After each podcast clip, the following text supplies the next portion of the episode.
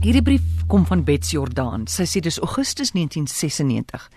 My ma is in 'n koma in die hospitaal en wanneer ek haar gaan kuier en sy hoor my stem, dan raak sy onrustig. My dogter Marlies wat baie daar by my ma sit, sê my ma het iets vroeër gemompel van Bets se verjaarsdaggeld. Dit is kontant wat sy vir my elke jaar met my verjaardag gee.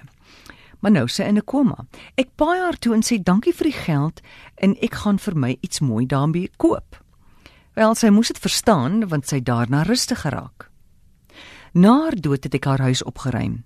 Ek vind toe die koevert met R152.50 daarin. Miskien sou sy later meer insit om dit 'n ronde bedrag te maak. Ewenwel, die koevert bly onaangeraak in my kas lê. Daardie Kersfees besluit ek ek wil myself 'n bietjie opbeer en ek bestel 'n vrolike kersboom by die bloemiste. Die boontjie arriveer in al sy glorie, donkergroen in 'n wit mandjie versier met rooi appels, kersies en geruite lint. Ek is hoogs tevrede totdat ek die rekening sien. R152.50. Ek word yskoud. Toe val lig en ek gaan haal my ma se konvert.